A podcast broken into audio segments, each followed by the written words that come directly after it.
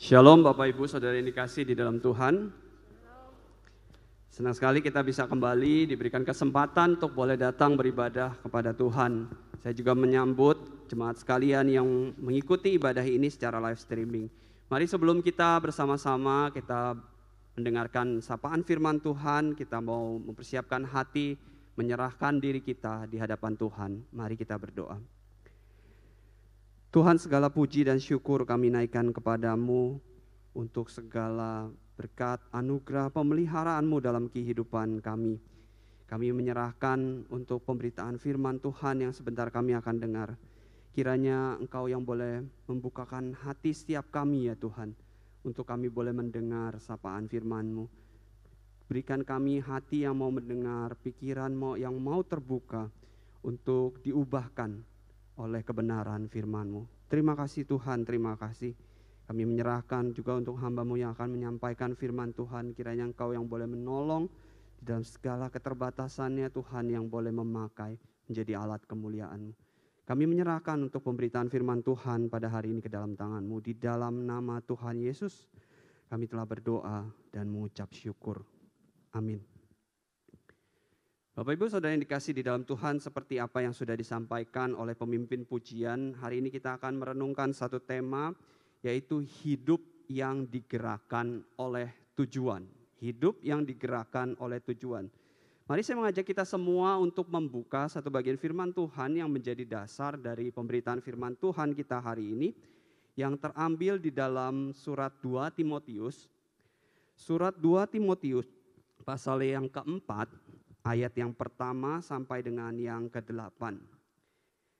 Surat 2 Timotius pasal yang keempat, ayat yang pertama sampai dengan yang ke-8. Kita akan membacakan semua ayatnya. Saya akan membacakan ayat yang pertama, Bapak Ibu Saudara sekalian bisa membacakan ayat yang kedua, kita baca secara bergantian. Demikian seterusnya sampai ayat yang ke-8. Surat 2 Timotius pasal yang keempat, ayat yang pertama sampai ke-8, demikianlah firman Tuhan di hadapan Allah dan Kristus Yesus yang akan menghakimi orang yang hidup dan yang mati. Aku berpesan dengan sungguh-sungguh kepadamu demi pernyataannya dan demi kerajaannya. Beritakanlah firman, siap sedialah baik atau tidak baik waktunya. Nyatakanlah apa yang salah, tegurlah, nasihatilah dengan segala kesabaran dan pengajaran. Karena akan datang waktunya orang tidak dapat lagi menerima ajaran sehat, tetapi mereka akan mengumpulkan guru-guru menurut kehendaknya untuk memuaskan keinginan telinganya. Telinga dari kebenaran dan membukakan bagi dongeng.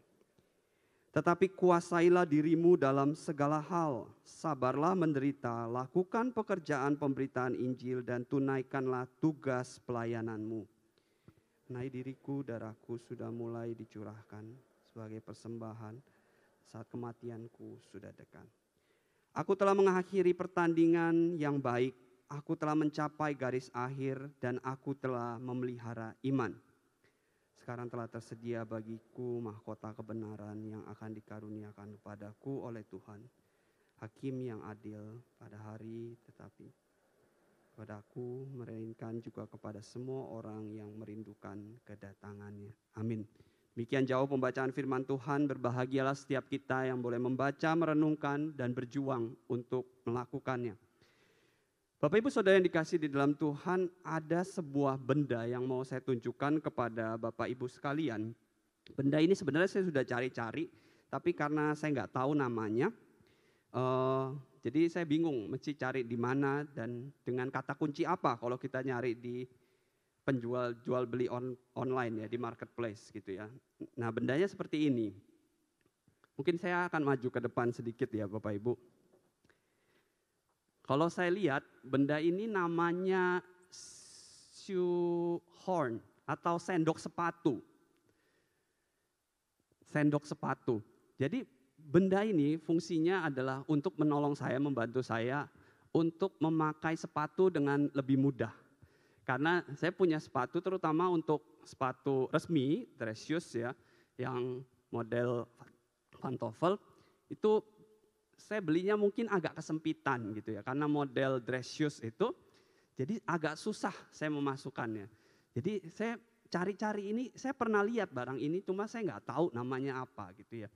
Kemudian akhirnya saya menemukannya. Dan kemudian bentuknya seperti ini menolong saya untuk menggunakan sepatu dengan lebih baik. Jadi ketika saya memakai sepatu, saya tidak perlu memasukkan tangan lebih susah, saya tinggal menyelipkan ini kemudian saya tarik gitu. Ya. Buat Bapak Ibu yang mungkin bapak-bapak yang membutuhkannya, ini ada ukuran yang lebih panjang ya, lebih panjang jadi kita nggak perlu jongkok-jongkok. Mungkin yang sudah berusia susah gitu ya bisa membelinya. Link tersedia di bawah ya Bapak Ibu. Bukan ya, saya bukan promosi ya, saya bukan bermaksud berpromosi. Tapi uh, Pak Jandi langsung minta gitu ya, tertarik kayaknya. Uh, uh, apa yang mau saya mau sampaikan gitu ya? Uh, desainer atau pencipta dari benda ini menciptakan benda ini untuk satu tujuan tertentu, yaitu untuk membantu orang-orang terutama pria gitu ya, menggunakan sepatunya dengan lebih mudah dengan lebih baik gitu ya. Jadi tujuan utama sang kreator atau desainer dari benda ini menciptakannya adalah untuk tujuan membantu pria orang menggunakan sepatu. Benda ini bisa digunakan untuk tujuan yang lain gitu ya. Bisa untuk memukul orang, bisa ya kalau kepepet mungkin ya nggak ada senjata, bisa pukul. Mungkin ya pusing-pusing dikit kita bisa kabur. Atau kalau kepepet di dapur bentuknya kayak sendok gitu ya, bisa buat sendok nasi gitu ya. Kalau mungkin pria yang nggak tahu ngelihat oh ini bisa buat sendok nasi. Kalau kepepet ya gitu ya, saya tidak menganjurkan. Tetapi fungsi utamanya benda ini adalah untuk membantu orang menggunakan sepatu. Benda ini akan maksimal digunakan ketika digunakan sebagaimana mestinya. Benar kan Bapak Ibu? Nah, saya menggunakan analogi ini untuk menggambarkan kehidupan kita. Kehidupan kita sebagai manusia, kita diciptakan oleh sang pencipta kita. Ini saya masukkan dulu ya, supaya saya nggak kelihatan kayak promosi di depan ya Bapak Ibu.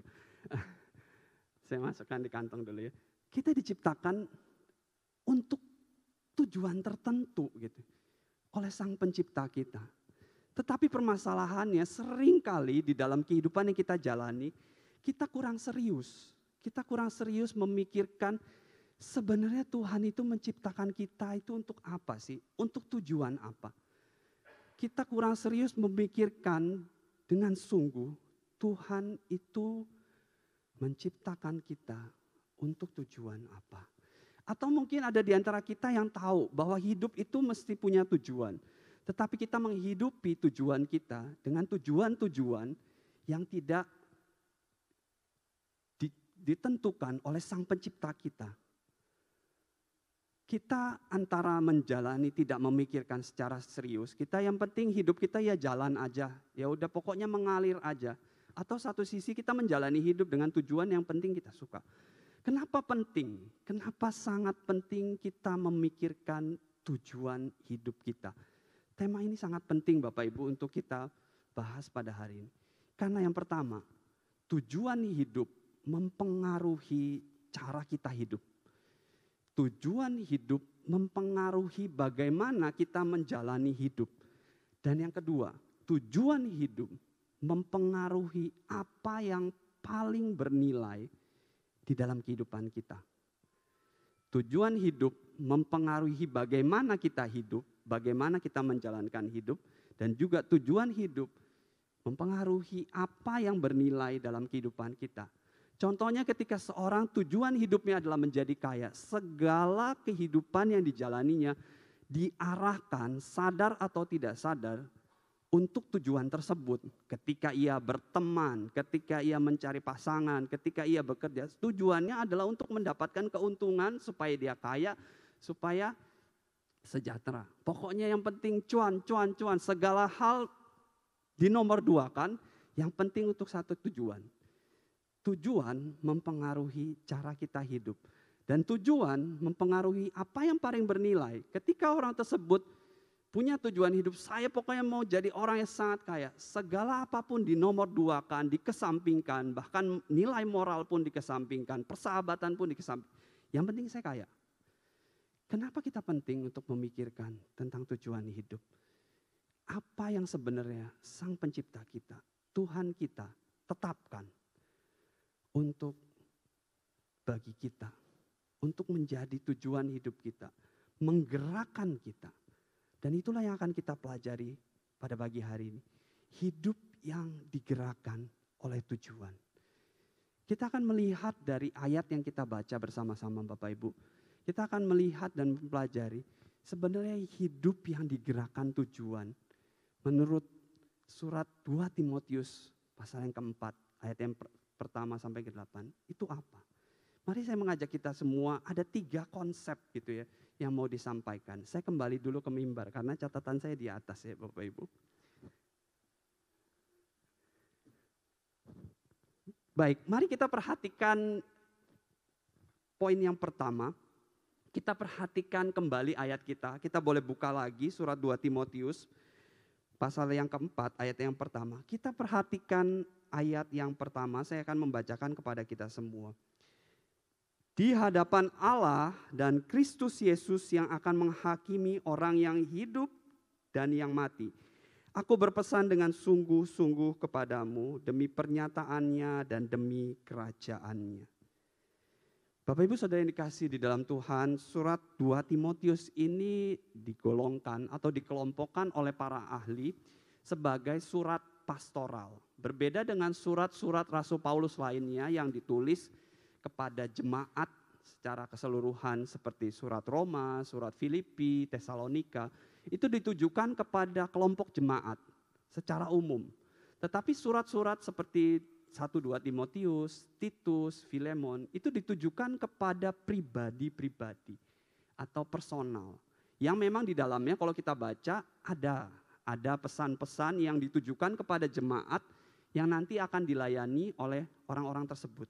Tetapi kita melihat pesannya sangat personal, sangat ada relasi di mana pada bagian ini kita melihat Rasul Paulus itu menuliskan kepada anak didiknya, orang yang dimentorinya selama ini.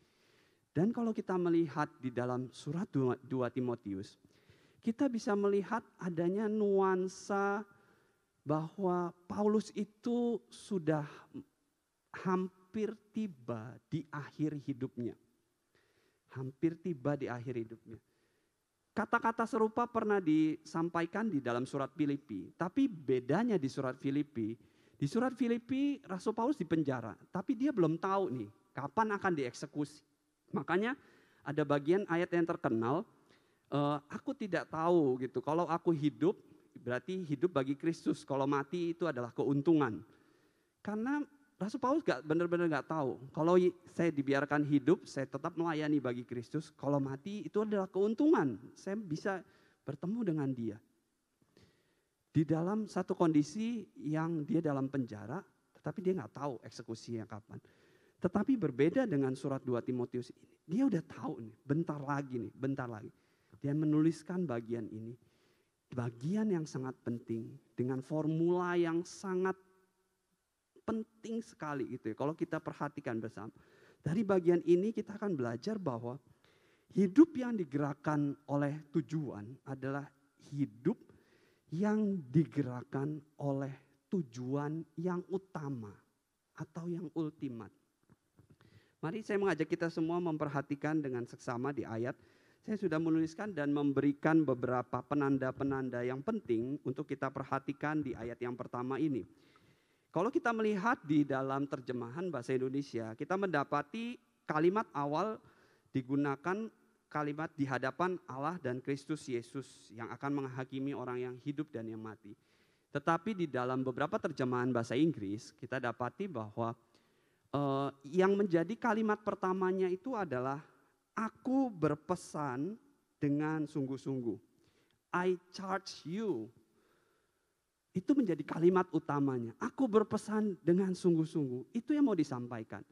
Kemudian baru disambung dengan kalimat berikutnya, di hadapan Allah dan Kristus Yesus. Rasul Paulus mau berpesan di dalam kondisi dia sudah mendekati akhir hidupnya. Ini penting, ini harus saya sampaikan. Dan Rasul Paulus menekankan pentingnya bagian ini dengan menggunakan formula dia memanggil saksi Allah dan Kristus sebagai saksi. Formula ini pernah digunakan oleh Musa di dalam ulangan 4 ayat 26. Mengingatkan bangsa Israel sebelum Musa mengakhiri hidupnya. Dia mengingatkan bahwa di hadapan langit dan bumi Aku berpesan kepadamu. Formula ini sangat umum. Kalau kita misalnya menandatangani atau membuat perjanjian surat tertentu dengan ada saksi, berarti itu merupakan hal yang penting kan. Berarti itu merupakan hal yang sangat-sangat penting untuk diketahui. Dan Rasul Paulus menggunakan bagian ini untuk menunjukkan kepada Timotius bahwa yang akan saya sampaikan ini penting. Tetapi bukan hanya berhenti sampai situ, Rasul Paulus menggunakan tiga simbol. Tiga simbol yang berkaitan dengan eskatologis. Eskatologis itu kehidupan setelah kematian. Kedatangan Kristus yang kedua kali. Yang pertama adalah penghakiman orang yang hidup dan yang mati. Kedua adalah penyataannya. Dan yang ketiga adalah kerajaan. Penghakiman, penyataan, dan kerajaan. Semua ini berkaitan dengan kedatangan Kristus yang kedua kali. Penghakiman ketika Kristus akan datang lagi menghakimi baik orang yang hidup maupun yang mati. Penyataannya adalah ketika Kristus datang kedua kali sama seperti ketika ia naik ke surga yang baru saja kita rayakan beberapa hari lalu. Dan juga kerajaannya akan digenapi. Apa yang mau disampaikan oleh Rasul Paulus pada bagian ini. Bahwa Rasul Paulus itu mau menarik ya, menarik motivasi dari Timotius melakukan pesannya itu bukan hanya sekedar oh karena yang kasih pesan ini mentor saya. Oh karena yang kasih pesan ini orang yang sangat penting, orang yang saya kagumi. Bukan hanya sekedar itu motivasi yang menjadi dasar Timotius melakukan. Tetapi adalah karena karya Kristus. Karya Kristus yang akan digenapi. Rasul Paulus ingin agar ketika kamu hidup, hidupmu itu harus digerakkan oleh tujuan yang paling utama, yang paling ultimat bagi manusia. Kalau kita berbicara tentang topik tujuan hidup Bapak Ibu, ketika kita ketik tujuan hidup. Banyak sekali artikel, baik yang Kristen dan non-Kristen yang membahas tentang pentingnya tujuan hidup. Orang sudah banyak menyadari gitu tentang pentingnya tujuan hidup. Tetapi pernahkah kita berpikir sebenarnya tujuan hidup apa yang harus kita hidupi gitu ya? Yang harus kita hidupi. Di dalam ayat yang kita baca ini tidak menjelaskan secara spesifik tujuan hidup seperti apa yang utama, yang ultimat itu seperti apa. Dan saya coba menggunakan literatur lain yaitu Katekismus Westminster. Sebuah pengajaran Kristen yang menolong kita, mengajarkan kita tentang formula iman Kristen. Di pertanyaan dan jawaban yang pertama dikatakan seperti ini. What is the chief end of man? Apa tujuan utama manusia? man chief end is to glorify God and to enjoy Him forever. Tujuan utama manusia adalah untuk memuliakan Dia dan menikmati Dia selama-lamanya. Itulah tujuan utama, tujuan yang harus dihidupi oleh manusia. Saya mau menjelaskan satu kata penting di dalam formula katekismus pengajaran iman Kristen ini, yaitu tentang kata utama, Bapak Ibu. Kata utama itu kita harus pahami bukan sebagai urutan. Oh utama berarti yang pertama kita harus memuliakan Tuhan dan menikmati dia, baru kemudian kita boleh melakukan tujuan-tujuan, tujuan-tujuan, tujuan yang lain. Bukan. Bukan berbicara tentang keutamaan sebagai urutan, tetapi berbicara utama sebagai inti sebagai inti atau payung di dalam segala sesuatu yang kita lakukan.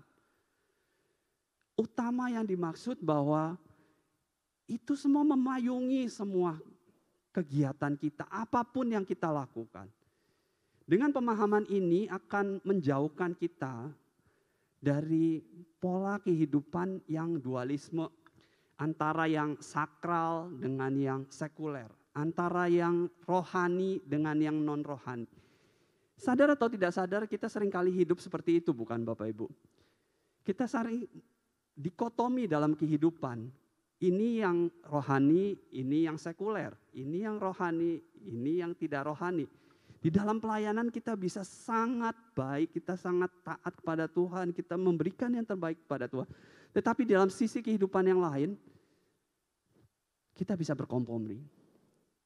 Yang dimaksudkan pada bagian ini, hidup yang digerakkan oleh tujuan utama bahwa segala sesuatu yang kita lakukan, apa pun itu, area apa pun itu, tujuannya untuk kemuliaan Dia untuk menikmati dia.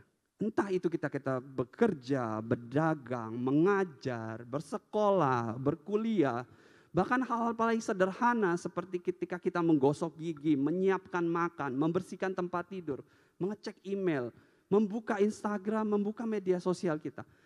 Apa pun yang kita lakukan, semuanya ditujukan untuk kemuliaan nama Tuhan. Hal ini yang menjauhkan kita, yang mengurangi kita dari pertanyaan boleh, nggak boleh, boleh, nggak boleh.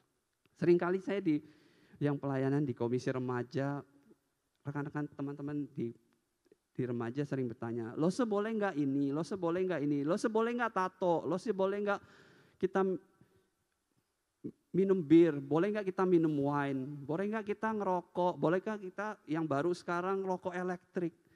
Sekarang pertanyaannya, saya kembalikan kepada mereka. Apakah semua yang kita lakukan itu memuliakan Tuhan dan membawa kita menikmati Tuhan?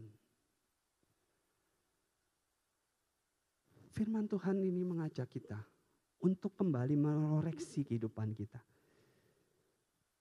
Hidup yang digerakkan oleh tujuan yang utama Bukan berarti semua berbondong-bondong menjadi hamba Tuhan, menyerahkan hidupnya. Tetapi ini berbicara tentang apa pun yang kita lakukan. Di area apa pun, sesederhana apa pun. Semuanya kita tujukan untuk kemuliaan dia. Untuk menikmati dia selama-lamanya. Biar ini menjadi koreksi bagi kita bersama Bapak Ibu. Apakah selama ini kehidupan yang kita jalani, kita memiliki dikotomi dalam kehidupan kita. Kita memisahkan bagian kehidupan kita, ini untuk Tuhan, ini yang sekuler. Kita harus membawa seluruhnya untuk kemuliaan dia dan menikmati dia. Bagian kedua yang mau disampaikan dalam bagian ini, di ayat kedua sampai dengan keempat, bahwa hidup yang digerakkan oleh tujuan utama bukan berarti tanpa hambatan. Rasul Paulus mengatakan di ayat yang pertama bahwa di hadapan saksi dengan motivasi yang sangat jauh ke depan bahwa hidupmu harus digerakkan oleh tujuan yang utama. Tetapi ketika kita menjalani kehidupan yang ditujukan untuk Tuhan, bukan berarti serta-merta meniadakan hambatan. Oh, ketika kita menjalani kehidupan yang ditujukan oleh Tuhan, hidup kita digerakkan oleh tuju, tujuan untuk memuliakan Tuhan, hambatan itu hilang serta-merta. Bukan. Rasul Paulus langsung masuk di dalam pesannya beritakan firman, siap sedialah, baik atau tidak baik waktunya. Di ayat ketiga, karena ada akan datang waktunya. Akan ada datang waktu. Kehidupan yang kita jalani tetap kita jalani di dalam ruang dan waktu. Di dalam dunia yang penuh dengan dosa, yang sudah jatuh dalam dosa. Tantangan, penderitaan, itu tidak serta-merta hilang ketika kita mengarahkan diri kita, menggerakkan hidup kita oleh tujuan kepada Tuhan. Rasul Paulus ingin agar Timotius menyadari realita ini karena ia sudah menjalaninya. Ia menjalani kehidupan yang diubahkan oleh Tuhan melalui pertemuan dan kemudian ia menjadi seorang pelayan Tuhan yang sangat dipakai. Tetapi bukan serta-merta hidup dia langsung enak, bukan. Dia harus melewati berbagai bagai penderitaan, tantangan di kehidupan, disiksa, dipenjara, bahkan mati dalam kondisi yang tidak mengenakan di dalam penjara. Bagian ini mengingatkan kita semua akan khotbah beberapa minggu yang lalu bahwa mengikut Tuhan kita harus siap berani bayar harga. Kita harus siap untuk menyangkal diri, memikul salib, mengikut dia. Bagian ini menjadi sangat personal bagi saya ketika saya menjalani. Bapak Ibu ketika saya memutuskan untuk menjadi hamba Tuhan full time, saya masuk ke seminari bukan di usia yang uh, ideal atau pada umum umumnya. Karena ketika saya masuk gitu ya, usia saya 28 dan teman-teman saya yang seangkatan mungkin ada yang 10 tahun lebih muda dari saya gitu ya. Saya lahiran 88, saya ketemu teman seangkatan, kamu lahiran berapa? 1998. Ternyata saya udah tua juga ya. Saya teman-teman angkatan saya sekitar sekitar umur segitu gitu loh. Tapi itu waktu yang saya butuhkan untuk saya bergumul memastikan panggilan saya. Maka saya sungguh dipanggil Tuhan menjadi menyerahkan diri melayani dia secara full time. Tetapi ketika saya menyerahkan diri masuk ke seminari untuk dididik, dibentuk, menyerahkan diri untuk memenuhi panggilan Tuhan. Bukan berarti hambatan itu langsung hilang serta merta. Ketika saya masuk seminari banyak tantangan. Saya harus kembali menjalani relasi jarak jauh dengan tunangan saya. Waktu itu saya masuk sudah bertunangan. Saya bertemu juga waktu pertemuan saya juga harus dibatasi karena jadwal kuliah, jadwal aktivitas di kampus, jadwal pertemuan yang tidak sefleksibel biasanya ketika saya bekerja. Dan itu menjadi tantangan-tantangan tersendiri yang harus saya hadapi. Ketika kita memutuskan untuk mengikut Tuhan, mengarahkan diri hidup kita untuk tujuan Tuhan. Bukan berarti hambatan dan tantangan akan hilang dengan begitu saja. Itu bagian kedua yang mau kita renungkan bersama-sama. Bahwa pertama hidup kita harus digerakkan bukan untuk tujuan yang personal bagi kita. Tetapi untuk tujuan yang utama, yang paling mulia, yaitu untuk memuliakan Tuhan dan menikmati dia. Dan kedua ketika kita sudah mengarahkan hidup kita pada tujuan tersebut, bukan berarti halangan itu hilang. Ada tantangan, ada hambatan yang akan kita hadapi. Tapi di bagian ketiga, kita lihat di ayat yang kelima sampai ke delapan, bahwa hidup yang digerakkan tujuan itu membutuhkan ketahanan. Rasul Paulus kembali kepada nasihatnya di ayat yang kelima. Setelah ia menyatakan realita yang ada. Bahwa ketika kamu akan pelayanan, kamu akan menemui satu masa di mana orang-orang tidak mau mendengar atau memilih untuk mendengar yang mereka pengen dengar. Mereka memilih untuk mau mendengar apa yang tidak benar. Tetapi di ayat yang kelima, Rasul Paulus menguatkan kembali Timotius, tetapi kuasailah dirimu dalam segala hal. Sabarlah menderita, lakukan pekerjaan pemberitaan Injil. Tunaikanlah tugas pelayananmu. Rasul Paulus memberikan satu kalimat penghiburan kepadanya. Dan bukan hanya kalimat penghiburan, tetapi ia juga mengkaitkan hal tersebut dengan apa yang sudah dialami dirinya di ayat yang ke-6 sampai ke-8 kita melihat pesan-pesan terakhir yang disampaikan oleh Rasul Paulus kepada Timotius. Mengenai diriku, darahku sudah mulai dicurahkan. Aku telah mengakhiri pertandingan yang baik. Aku telah mencapai garis akhir dan aku telah memelihara iman. Bapak Ibu Saudara yang dikasih di dalam Tuhan, Rasul Paulus menggunakan gambaran atau metafora korban curahan, drink offering. Dia menggambarkan dirinya bahwa darahku sudah mulai dicurahkan sebagai persembahan untuk menggambarkan kehidupan pelayanannya sendiri. Korban curahan merupakan satu ritual, ritual dari orang Israel untuk mempersembahkan di mana darah itu dicurahkan di dalam api untuk menimbulkan harum, aroma yang harum gitu. Dan Rasul Paulus menggambarkan dirinya darahnya yang tercurah sebagai satu persembahan yang harum. Ketika orang Israel mau memberikan persembahan, menyiapkan persembahannya, dia pasti memilih persembahan dengan kualitas yang terbaik. Yang paling the best pokoknya. Dan Rasul Paulus menggambarkan dirinya bahwa aku sudah mengakhiri pertandingan ini dan menyelesaikan ini. Dan aku sudah memelihara iman. Rasul Paulus bukan hanya mengatakan bahwa engkau harus mengarahkan dirimu, tetapi kamu juga harus mengakhiri dengan baik. Memulai pertandingan dengan baik itu memang penting Bapak Ibu. Start yang baik itu penting. Tetapi tidak kalah penting adalah kita bersama mengakhirinya dengan baik. Memulai pertandingan yang baik dengan tujuan yang benar, dengan diarahkan kepada tujuan yang utama hidup manusia. Penting. Tetapi di dalam perjalanannya kita akan menghadapi tantangan-tantangan. Penting kita untuk bersama bertahan, memelihara iman, dan mengakhiri pertandingan itu dengan baik.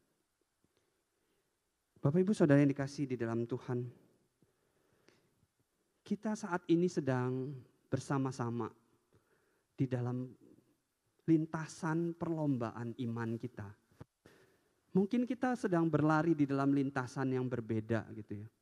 Tetapi kita menuju satu tujuan yang sama.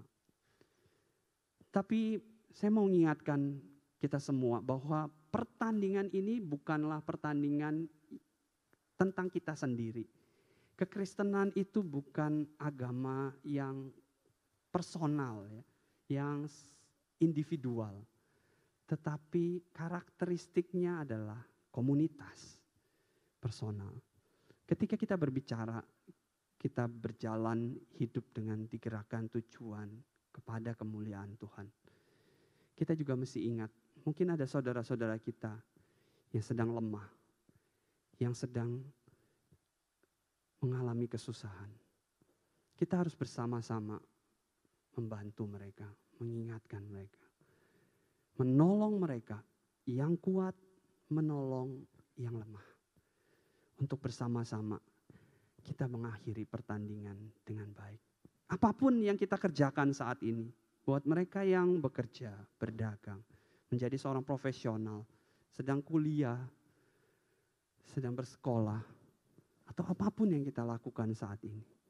Ingatlah hidup kita harus digerakkan oleh tujuan yang utama untuk memuliakan dia dan menikmati dia selama-lamanya. Tetapi di dalam perjalanan itu kita menyadari akan ada tantangan, ada akan ada hambatan, akan ada gesekan. Itu satu realita. Dan kita diminta untuk bertahan. Bertahan secara bersama-sama Bapak Ibu. Kita bergandengan tangan. Kita menguatkan satu dengan yang lain. Mungkin pandemi ini membuat kita menjadi sedikit renggang ya relasi kita. Mari dengan kondisi yang semakin mendaik, kita boleh kembali beribadah secara onsite. Kita boleh kembali memperhatikan jemaat-jemaat kita yang yang nggak balik, yang belum balik siapa ini? Mungkin mereka mengalami kesusahan, mungkin mereka bergumul dengan iman mereka, Bergumul dengan pertanyaan-pertanyaan iman kita. Mengapa Tuhan mengizinkan pandemi ini terjadi? Mengapa Tuhan mengizinkan mengambil keluargaku? Padahal kan Tuhan itu maha baik, maha kuasa. Tuhan bisa menciptakan dunia yang tanpa penderitaan dan tanpa sakit penyakit. Benar. Tapi Tuhan juga bisa memakai kondisi yang sulit untuk menjadi berkat, untuk memberikan kekuatan dan pelajaran bagi setiap kita.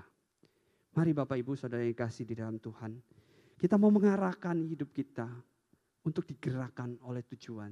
Tujuan yang utama memuliakan dia, menikmati dia selama-lamanya. Mari kita berdoa. Tuhan Allah Bapa kami yang di surga firmanmu sudah selesai disampaikan. Tapi biarlah roh kudusmu yang boleh menolong setiap kami Tuhan. Untuk kami boleh menghidupi firman ini. Menghidupi hari demi hari. Kami tahu bahwa tantangan kehidupan kami dalam setiap aktivitas yang kami lakukan tidak mudah. Sebagai orang-orang yang mengarahkan diri untuk hidup berkomitmen kepada Engkau, tantangan kami tidak mudah tetapi Engkau yang menguatkan kami ya Tuhan. Roh Kudusmu yang boleh memampukan kami. Rekan-rekan, teman-teman seiman yang boleh Tuhan tempatkan, biarlah Kau pakai untuk menguatkan satu dengan yang lain. Kami menjadi boleh menjadi komunitas yang saling meneguhkan, saling menjaga, saling mengasah satu dengan yang lain. Untuk kami bersama-sama boleh mengakhiri pertandingan kami dengan baik. Terima kasih Tuhan, terima kasih kami menyerahkan untuk seluruh kehidupan kami ke dalam tangan-Mu. Di dalam nama Tuhan Yesus kami telah berdoa dan mengucap syukur. Amin.